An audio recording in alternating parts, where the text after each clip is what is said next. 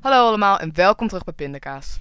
De podcast over Nederlands-Indië. We gaan het in deze aflevering hebben over het eenzijdige perspectief op de geschiedenis van Nederlands-Indië. We hebben vandaag twee gasten voor jullie. We gaan het met hen onder andere hebben over de optekening van de koloniale geschiedenis, maar ook over de hedendaagse erkenning hiervan.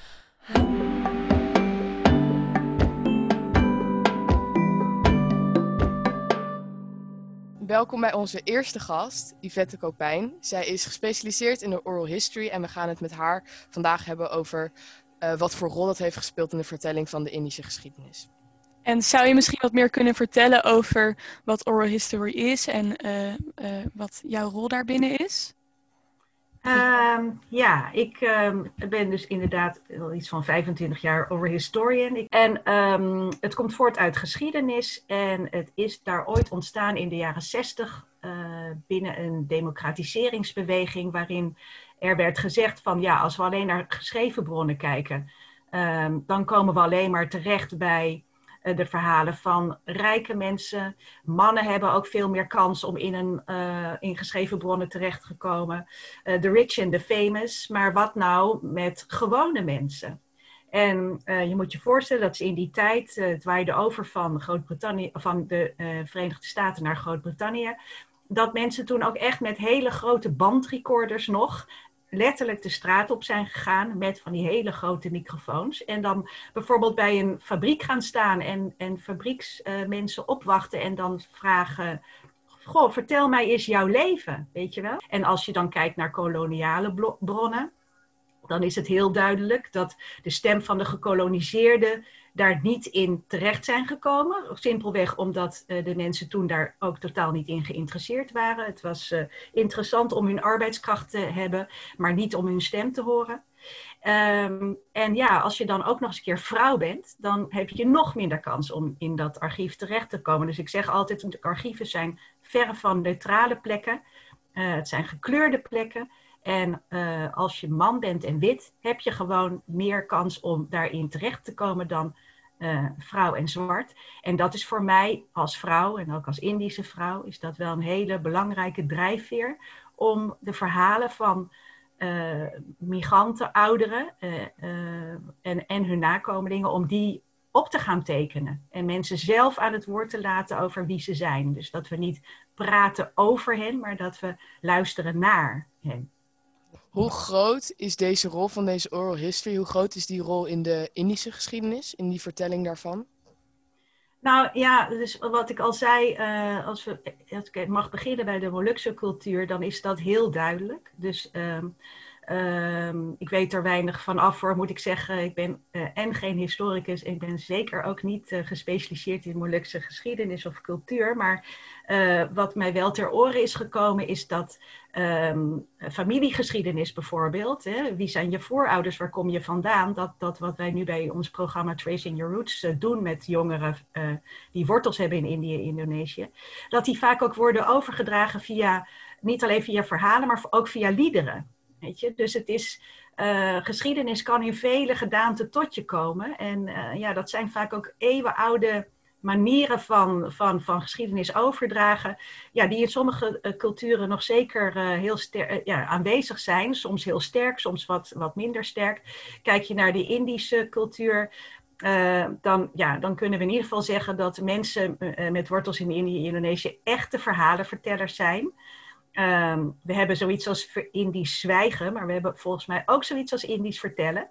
De eerste generatie heeft inderdaad vooral ja, uh, gezwegen. Uh, om verschillende redenen, omdat ze een geschiedenis met zich meedragen die omgeven is door trauma, verlies, ontworteling. Dat maakt het heel moeilijk om over zo'n pijnlijk verleden te praten. Um, maar tegelijkertijd hebben ze dat ook aangeleerd gekregen. Weet je, als jij als in een land komt als een van de eerste migranten in Nederland, uh, migrantengroepen in Nederland, en um, iedereen is daar met zijn eigen oorlogservaring nog bezig en niemand luistert naar jou, dan leer je vanzelf natuurlijk wel uh, te stoppen met praten. Dat is natuurlijk logisch. Je hebt, om, te, om, een verhaal te vertellen heb je ook een luisteraar nodig. En die vonden Indische en Molukse mensen denk ik niet echt.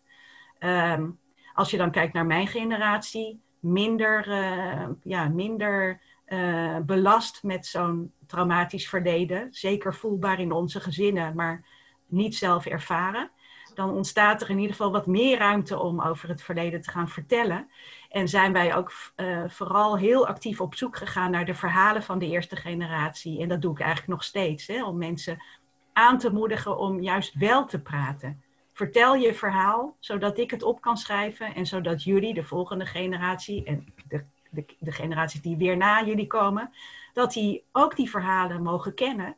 Want het is jouw achtergrond, het is jouw afkomst en identiteit. Dus uh, verhalen zijn een, uh, ja, zijn een enorme krachtbron. Ze geven de verteller uh, de kracht mee om zich uit te spreken en niet te zwijgen, maar van, van, het, van het donker, van de schaduw in het licht te gaan staan en hun verhaal te vertellen en daar aandacht voor te vragen.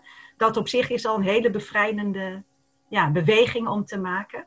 En ja, als wij daar allemaal kennis van kunnen maken, in de eerste plaats onze eigen gemeenschap, maar ook de gemeenschap daarbuiten, dan, uh, ja, dan maken we grote stappen. Denk je dat de eerste generatie, wat je zo even zei, dat zij eigenlijk geen luisterend oor konden vinden? Heeft dat, denk je, te maken met dat wij dus nu zo'n Europees gedomineerde geschiedenisvertelling kennen? Nou, ik denk dat dat een, een, een, een, derde aspect is wat daarbij komt. Kijk, als jij opgroeit uh, als gemengd persoon in een uh, koloniale samenleving die heel erg ja, gerangschikt is geraakt, laat ik het zo zeggen. In de 19e eeuw had de Indische cultuur nog een heel andere vorm, heb ik ook van, van professor Patinama geleerd. Maar in de begin 20e eeuw, met eigenlijk de import van Europese ideeën over kleur en over, um, over ras. Um, ja, die, die, die vinden dan ook hun ingang in de Indische samenleving. En dan opeens worden, worden ook de scheidslijnen veel duidelijker uh, langs kleur en klasse um, uh, ja, getrokken. En ontstaat er een standaardmaatschappij waarin het toch, zo, toch wel zo is van ja, hoe witter je bent, hoe meer kans je hebt om ook hè, succes te hebben in de samenleving. En hoe meer aanzien je ook hebt, hoeveel, hoe meer prestige. Uh, dus er ontstaat een rangen- en standenmaatschappij waar de Indische groep ehm, ja, als gemengde groep uh, tussenin valt. Dat de Indische groep heel erg gemengd is. En dat het toch ook wel diep in hun geworteld is, dat, dat, dat raciale verschil.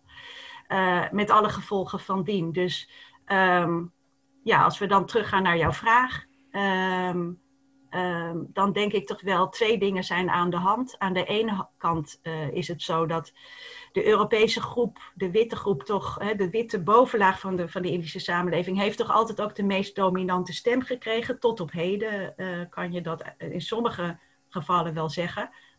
omdat zij natuurlijk ook komen uit een, ja, uit een cultuur, uit de familiecultuur waarin uh, geschreven wordt, waarin je je mag uitspreken, waarin je je memoires, je dagboek aantekenen, alles mag, mag delen. Dat maakt uit, deel uit van jouw cultuur. En als je gemengd bent, uh, ja, dan, dan vind je die stem, vind je misschien je eigen stem ook iets minder belangrijk dan de stem van, van, van de Europese bovenlaag, omdat je het zo geleerd hebt, hè, als we kijken naar de eerste generatie. En ik denk dat de tweede generatie en zeker ook de derde daar steeds minder mee belast is. En zegt van, uh, ik laat mijn stem wel horen. Ja, maar waar denk jij dan dat het vandaan komt dat de Europese vertelling van zeg maar de rich and famous wel opgeschreven wordt? Uh, nou, allereerst met kolonialisme natuurlijk dat, is, dat is heel duidelijk. Uh, maar het heeft ook te maken niet alleen met een koloniale samenleving, maar ook eentje die heel patriarchaal is ingericht. En ik denk dat dat van vele culturen uh, is, ook van de Nederlandse. Weet je? Als we kijken naar begin 20e eeuw, hebben we dan in de Nederlandse bronnen, zal ik maar zeggen, de autochtoon Nederlandse bronnen, zijn daar dan stemmen van vrouwen in terechtgekomen, ook maar mondjesmaat. Dus ik denk dat die twee dingen samenkomen. Uh, ja, uh, kleur, klasse, gender komen daarin samen. En die maken dat de stem van de witte bovenlaag het meest dominant kan worden. Omdat zij en, weet je, ze hebben dat prestige, ze hebben dat aanzien. Ze, zijn, hè, ze kunnen zich ook superieur voelen, omdat dat ook ge, gesteund wordt door hoe de hele samenleving is ingericht. Dus daarmee vind jij sowieso al dat jij recht van spreken hebt. Weet je, dat daar hoef je jezelf niet van te overtuigen. Ehm, en wat ik zei van ja, het geschreven woord, dat is iets wat je van, in jouw familie meekrijgt.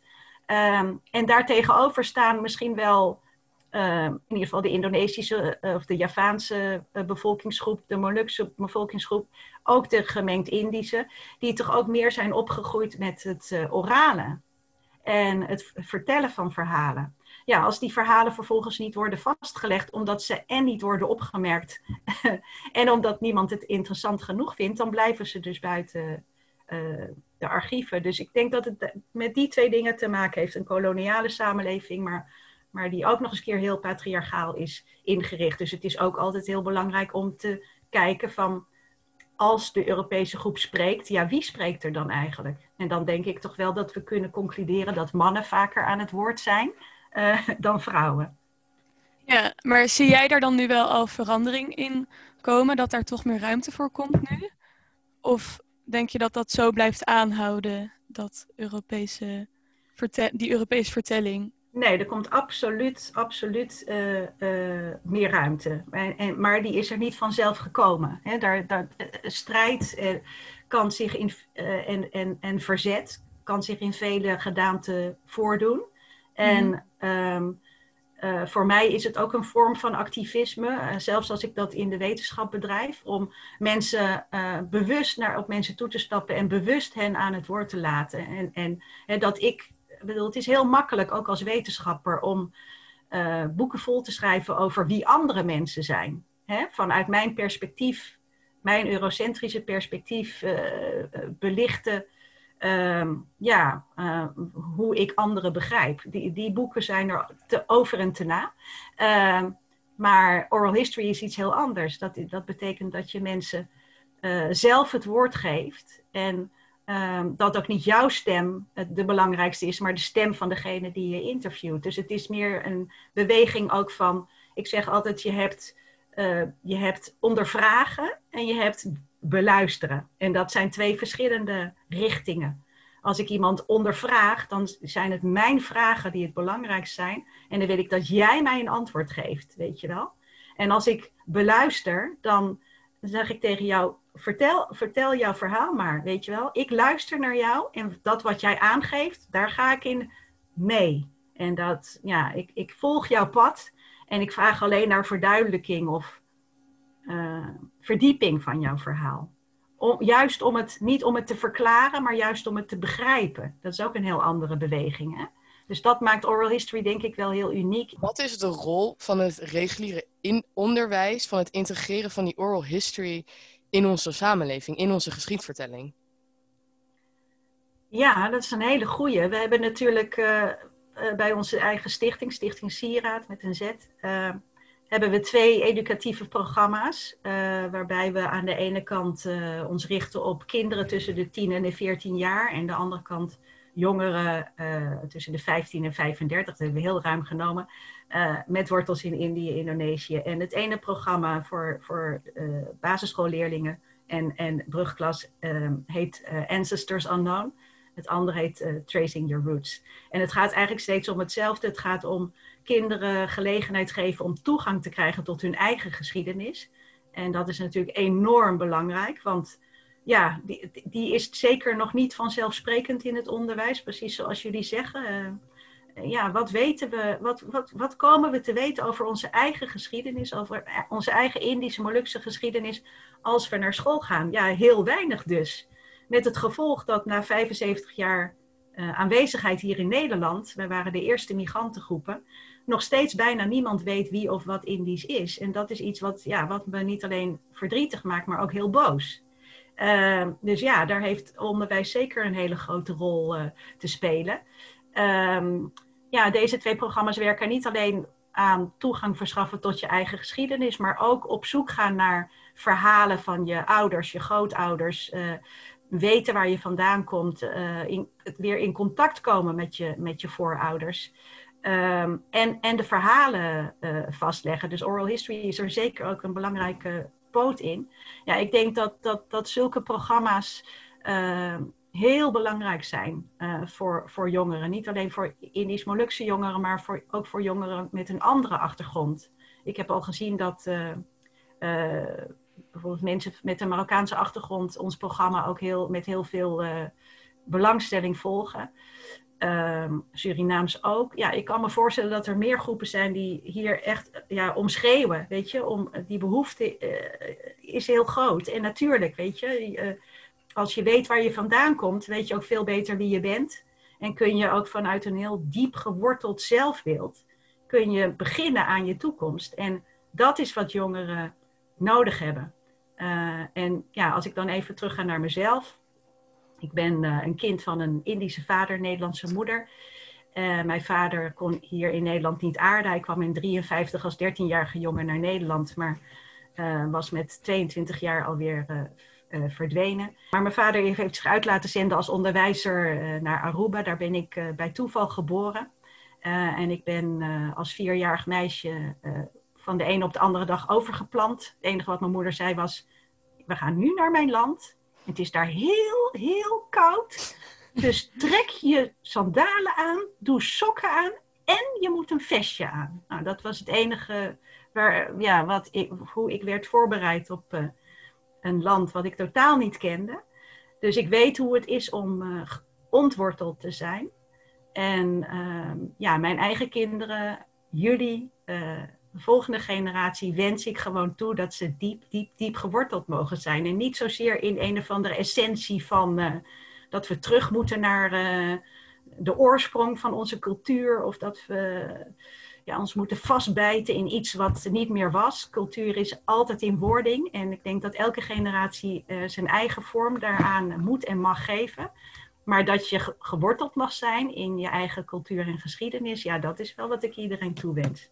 Maar is dat wij, dat je je geworteld moet voelen, kan dat bereikt worden door ons onderwijs uh, beter aan te passen op de hoeveelheden van uh, gemeenschappen die hier zijn in Nederland? Of is dat iets wat we zelf bij onszelf moeten zoeken? Nou, alle twee natuurlijk. Weet je, het is ook gebleken dat wanneer je te veel blijft hopen op de erkenning van anderen, dat, dat je daar niet heel erg gelukkig van wordt. Weet je, als andere mensen ons geen erkenning geven, moeten we het allereerst aan onszelf geven.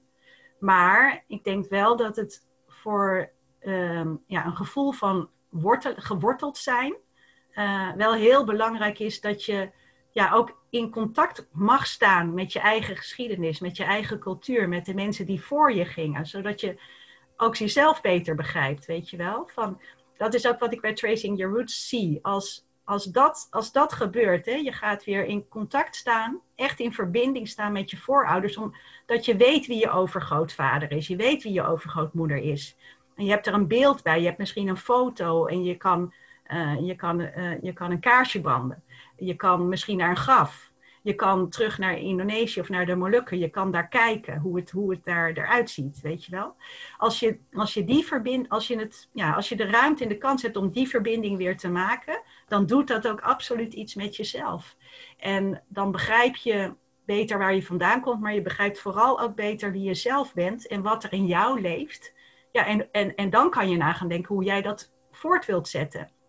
Ja, en hoe zou jij dat dan het liefst willen zien in het onderwijs voor ons? Of bijvoorbeeld in vorm van aangepaste geschiedenislessen of uh, zoiets? Ja, nou ja, kijk, uh, voor mij is dat antwoord heel simpel natuurlijk. En niet om mezelf te promoten. Maar ik zou gewoon heel graag willen dat heel Nederland gewoon Ancestors Unknown kan doen. Weet je? of Tracing Your Roots. Dat zou ik gewoon heel graag willen. En uh, wat ook zo mooi is aan die programma's, het, het Ancestors Unknown is overigens niet door ons ontwikkeld, maar door Dana Saxon. Uh, zij komt uit de Verenigde Staten en is van Afro-Amerikaanse afkomst. En ja, liep er dan tegenaan van op een gegeven moment kan ik niet verder zoeken naar mijn voorouders, want ze zijn tot, tot slaaf gemaakt. Dus hun voorgeschiedenis ken ik niet. Uh, dat is haar incentive geweest om dit programma te ontwikkelen. Wij hebben het naar Nederland gehaald en het uh, ja, ook aangepast aan deze specifieke Nederlandse context. Um, maar ja, ik zou eigenlijk gewoon graag willen dat iedereen dat kan doen. En wat mooi is, is dat niemand ook is uitgesloten, weet je wel? Van, het maakt niet uit welke kleur je hebt. eh, van welke cultuur of, of geschiedenis je uit voortkomt, iedereen heeft voorouders. Dus het maakt ook dat het van zichzelf al een heel inclusief programma is waarin iedereen mee kan doen, weet je wel? Je kan dit samen doen, ongeacht je afkomst. En uh, ja, ik uh, denk dat dat, dat dat een hele goede bijdrage zou zijn aan uh, juist deze multiculturele samenleving, deze super diverse samenleving, waarin er ook overigens heel veel kinderen zijn die van gemengde afkomst zijn. Dat is een zwaar onderbelichte groep waar we eigenlijk nooit uh, uh, over spreken. Maar het is wel de snelst groeiende groep als je naar de uh, cijfers van het CBS kijkt. Ehm, ja, dus ook voor, voor mensen met gemengde afkomst, ik weet niet of jullie dat herkennen, maar is het misschien nog wel iets belangrijker om te weten waar je vandaan komt, omdat je juist uh, ja, die, twee, uh, die twee werelden kent, daardoor gevoed wordt en soms er ook tussen moet bewegen, dat je echt tussen twee culturen staat. Ja, absoluut. Weet je, het is, ik vind het heel belangrijk dat je weet waar je vandaan komt. En ik denk, wanneer jij gewoon helemaal Nederlands bent, is dat makkelijk. Omdat je natuurlijk gewoon ja, opgroeit met de Nederlandse cultuur om je heen. Maar wanneer jij een cultuur hebt die van buitenaf komt, dan moet je daar dus zelf heel actief in gaan zoeken. Maar ik vind dat wanneer jij een, een achtergrond hebt, zoals uh, Indisch of Surinaams, dan ben jij onderdeel ook van de nationale geschiedenis van Nederland. Dus dan vind ik dat dus vanuit Nederland er veel meer um, ja, uitleg moet komen over dus die cultuur. Want het is onderdeel van zoveel mensen. Ja, absoluut. Ja, absoluut. Het is onze gedeelde geschiedenis, hè, zeg ik altijd. Um, en, en, en, en dat is ook ja, voor mij nog steeds verbazingwekkend. Uh, ik schrijf al uh, ja, meer dan twintig jaar werk ik aan een proefschrift um, over die geschiedenis van Surinaamse Javanen, die dus ooit uh, van Java naar Suriname zijn gehaald om de plek in te nemen uh, van de tot slaaf gemaakt op de, op de, op de plantages, hè, na de afschaffing van de slavernij. En uiteindelijk dan in Nederland terecht zijn gekomen. hoe kan jij ook als Nederland, hè, ik zeg altijd van Nederland is een klein landje aan de Noordzee maar heeft op heleboel plekken in de wereld, en dan heb, heb ik het niet alleen maar over voormalig Nederlands-Indië en Suriname en de Antillen, maar nog op nog veel meer plekken, zoals bijvoorbeeld Sri Lanka, uh, uh, Zuid-Afrika, waar we het ook nooit over hebben. Hebben zij uh, hun stempel gedrukt, zijn ze aanwezig ge geweest en hun aanwezigheid heeft ook zijn sporen achtergelaten. Dus wij zijn niet alleen maar dat kleine landje aan de, aan de Noordzee, wij zijn een veel groter uh, land met veel grotere invloeden. En hoe kunnen wij aan de ene kant daar enorm van hebben geprofiteerd? Hè? We hebben uh, toch behoorlijk uh, veel welvaart overgehouden aan, dat, aan ons koloniale project. Zo erg dat we het de Gouden Eeuw zijn gaan noemen. De, dus de, de toptijd van, van het legerover van, van verschillende landen.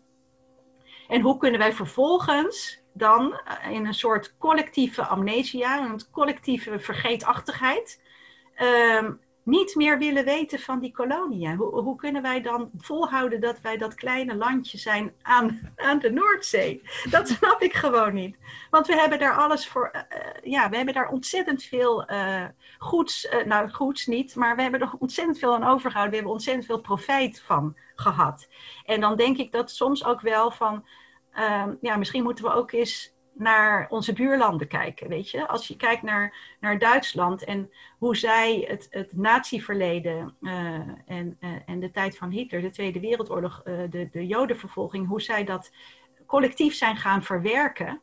Ja, dan denk ik dat zij vele malen verder zijn dan wij nu zijn. Als je het hebt over de verwerking van ons, onze gedeelde geschiedenis, onze koloniale verleden. Het lijkt alsof wij dat niet willen verwerken, omdat we er niet aan. Ja, het is te eng, het is te pijnlijk, het roept te veel schuldgevoelens op. Um, en dat is denk ik een andere hele grote, hoe zeg je dat? Een hele grote rol, uh, taak van geschiedenis die ik zie.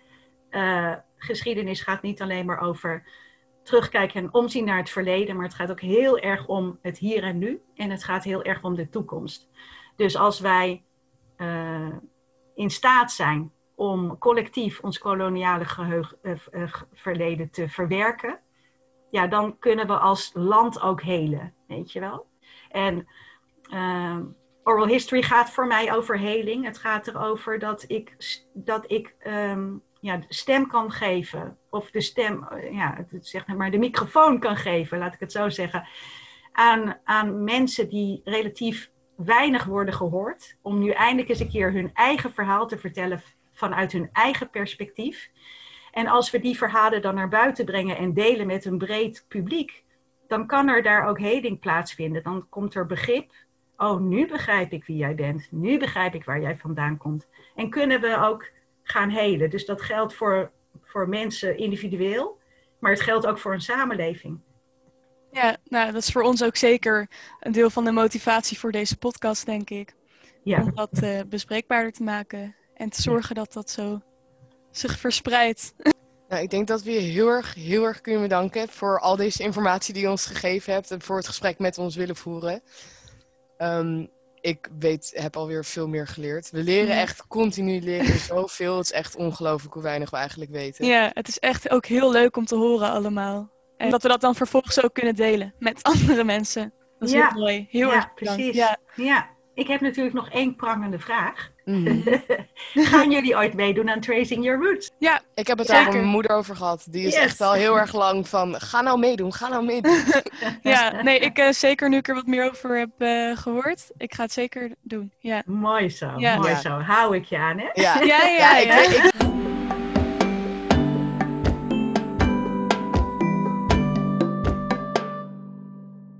aangekomen bij onze volgende gast, Margaret Leidelmeijer. Haar Indische verleden heeft haar altijd bezig gehouden. Zoals vele anderen wist ze hier weinig van. Via haar studie en via haar werk is ze in de loop der tijd hier veel meer over te weten gekomen. Dit wil ze graag doorgeven. Dit doet ze bij het Indisch Herinneringscentrum, waar ze werkt als coördinator van het kenniscentrum en tentoonstellingen. Zou je misschien wat meer willen vertellen over deze baan?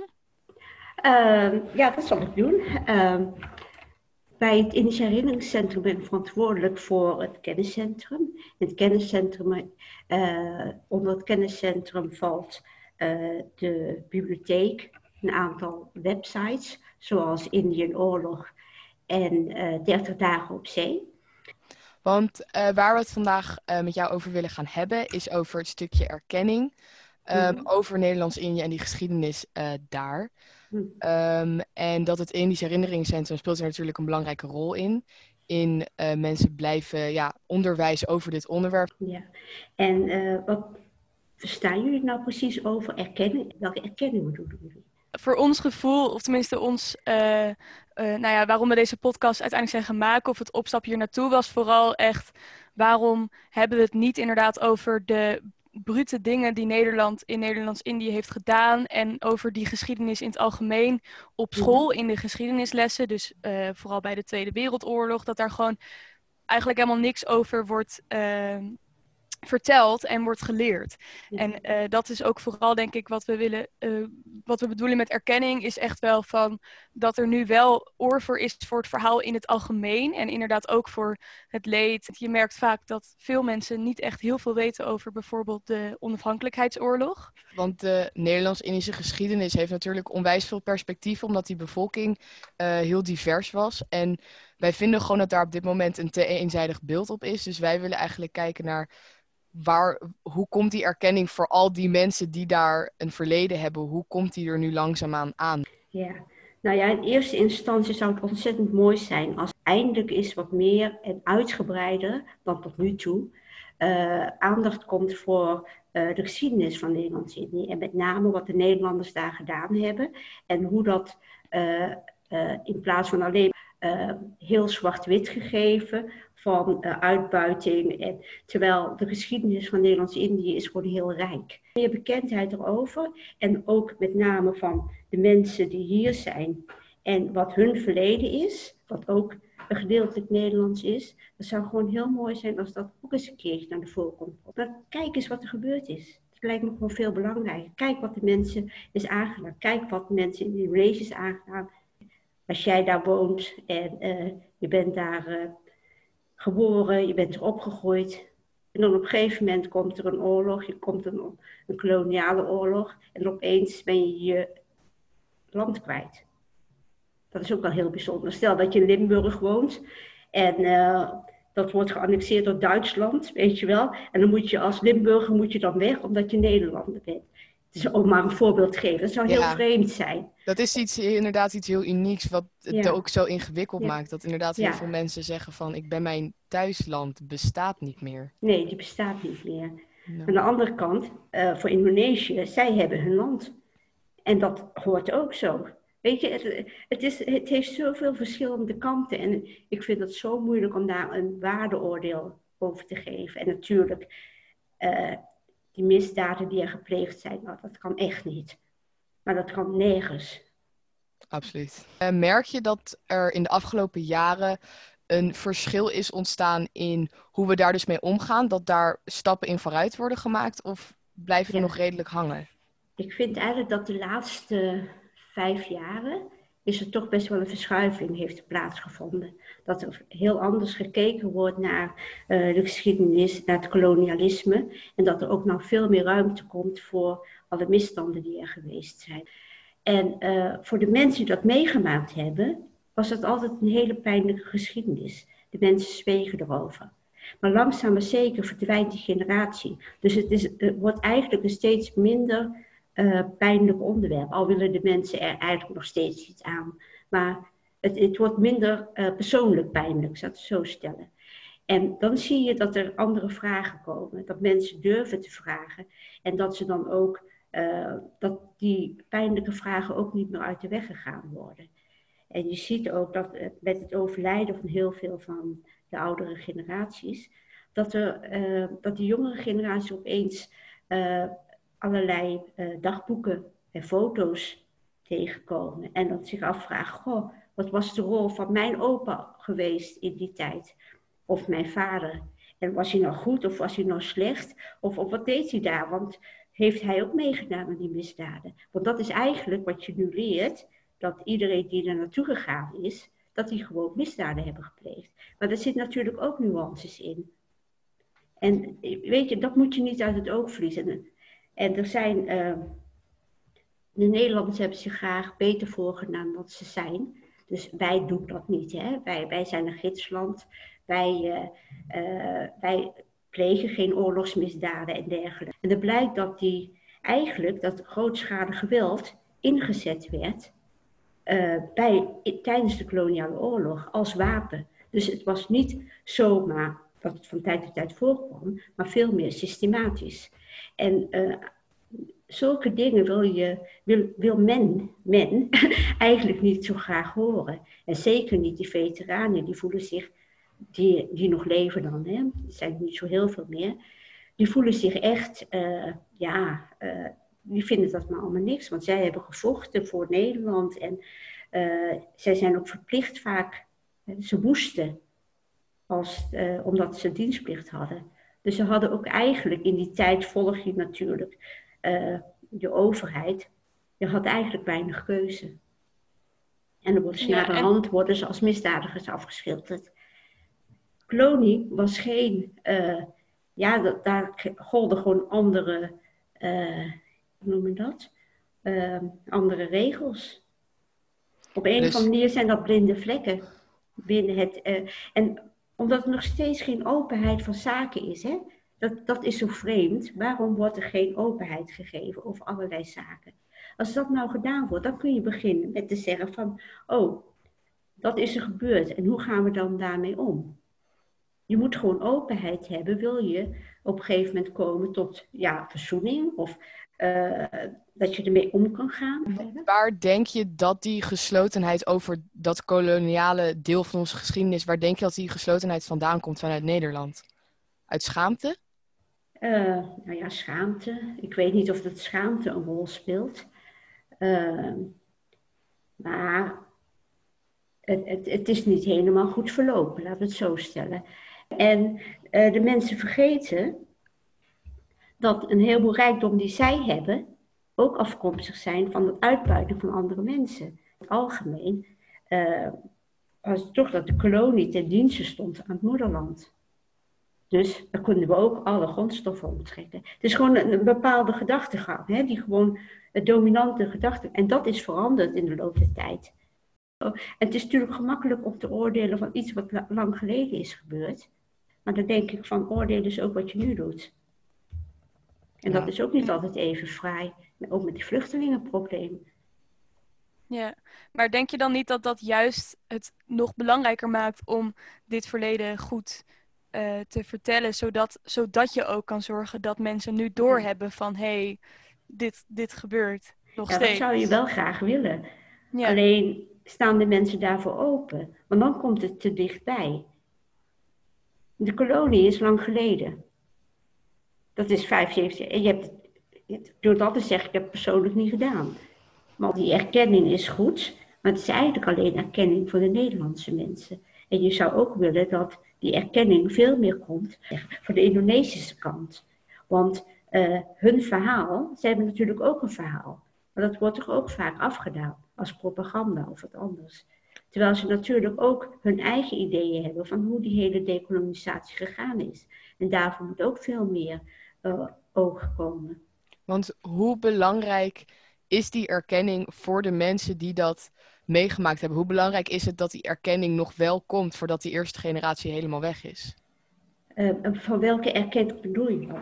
Ik bedoel de erkenning van wat er is gebeurd. Bijvoorbeeld dingen als de groeiende interesse in de Indië-herdenking. Dat die Mhm. interesse stijgt met elk jaar. Hoe belangrijk Ja. is het dat dat nu gebeurt? Wanneer de eerste generatie nog kan zien van... hé, hey, wij zien wat jullie is overkomen. Omdat eh, Ja. het natuurlijk Mhm. heel veel voorkwam dat zij hun mond eigenlijk moesten houden... toen zij net terugkwamen in Nederland. Ja. Hoe belangrijk is het dat zij nu nog meekrijgen van... hé, hey, jouw trauma, wij begrijpen het en je mag dat een plek geven... en wij erkennen dat je dat hebt opgelopen. Ja, nou ja, het belangrijkste is dat, eh, eh, dat die oorlog, eh, dat de mensen die de oorlog in Indië hebben meegemaakt, dat dat onderdeel eigenlijk meer deel wordt van de eh, herdenking van de Tweede Wereldoorlog. Want dat gebeurt namelijk nog veel te weinig. Er wordt alleen maar over de Jappenkampen, hè, de Japanse kampen, daar wordt over verteld. Maar niet over eh, andere ontwikkelingen tijdens de, die periode. En dat vind ik eigenlijk wel jammer, want je zou het veel beter kunnen integreren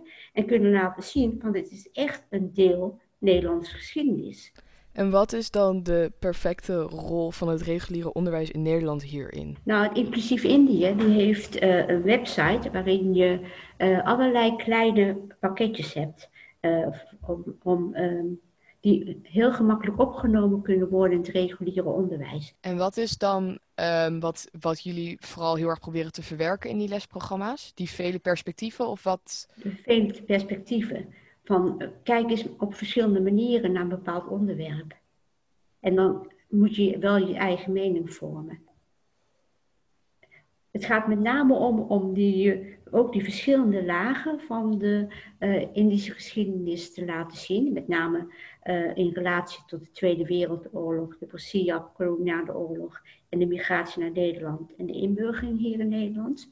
En daarna die daarnaast die verschillende perspectieven. Dus dat is om echt een verrijking van van de geschiedenis.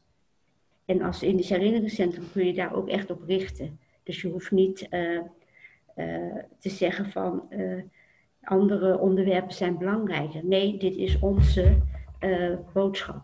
Daar gaan wij mee aan de gang. En hoe belangrijk is dan de rol van het Indisch herinneringscentrum om die groei van bewustzijn over Nederlands-Indië fort te zetten? Denk je? Uh, nou ja, zij moeten ervoor zorgen dat het bij het brede publiek, dat verhaal bij het brede publiek uh, terechtkomt. En wij doen dat in de vorm van uh, nou, de educa educatieve projecten, uh, maar ook tentoonstellingen en evenementen. Aan de hand van zo'n verhaal kun je ook dan die herinnering aan die tijd levend houden. Maar je kunt ook laten zien, dat is ook, maar de, de Indische en zo, die hielden zich stil. Maar tegenwoordig wordt dat niet meer getolereerd natuurlijk. Nee, en zo merk je denk ik ook dat die kolonisatie tot op de dag van vandaag nog altijd invloed heeft. Ook al ja. is het misschien 75 jaar geleden. Ja, en ook gewoon dat je een bepaalde uh, superioriteitsgevoel, zit er nog steeds onder, dat ligt er nog steeds onder. Van wij zijn beter of wij zijn, al is het uh, ja, vanuit christendom, want, uh, of vanuit de kleur. Zijn toch altijd bepaalde aspecten die wel een rol spelen. En het, is zo uh, vanzelfsprekend dat je het helemaal niet in de gaten hebt. Pas als je echt er nog een keer gaat naar kijken, als mensen er bewust van worden, van kijk hoe dat gegaan is, dan heb je uh, denk ik al heel wat bereikt. Ja, en het Indische Herinneringencentrum speelt, weet je, door middel van dit soort tentoonstellingen denk ik echt wel een hele belangrijke rol in die bewustwording. In ieder geval heel erg bedankt voor je deelname aan dit gesprek. Ja, graag gedaan. Heel fijn.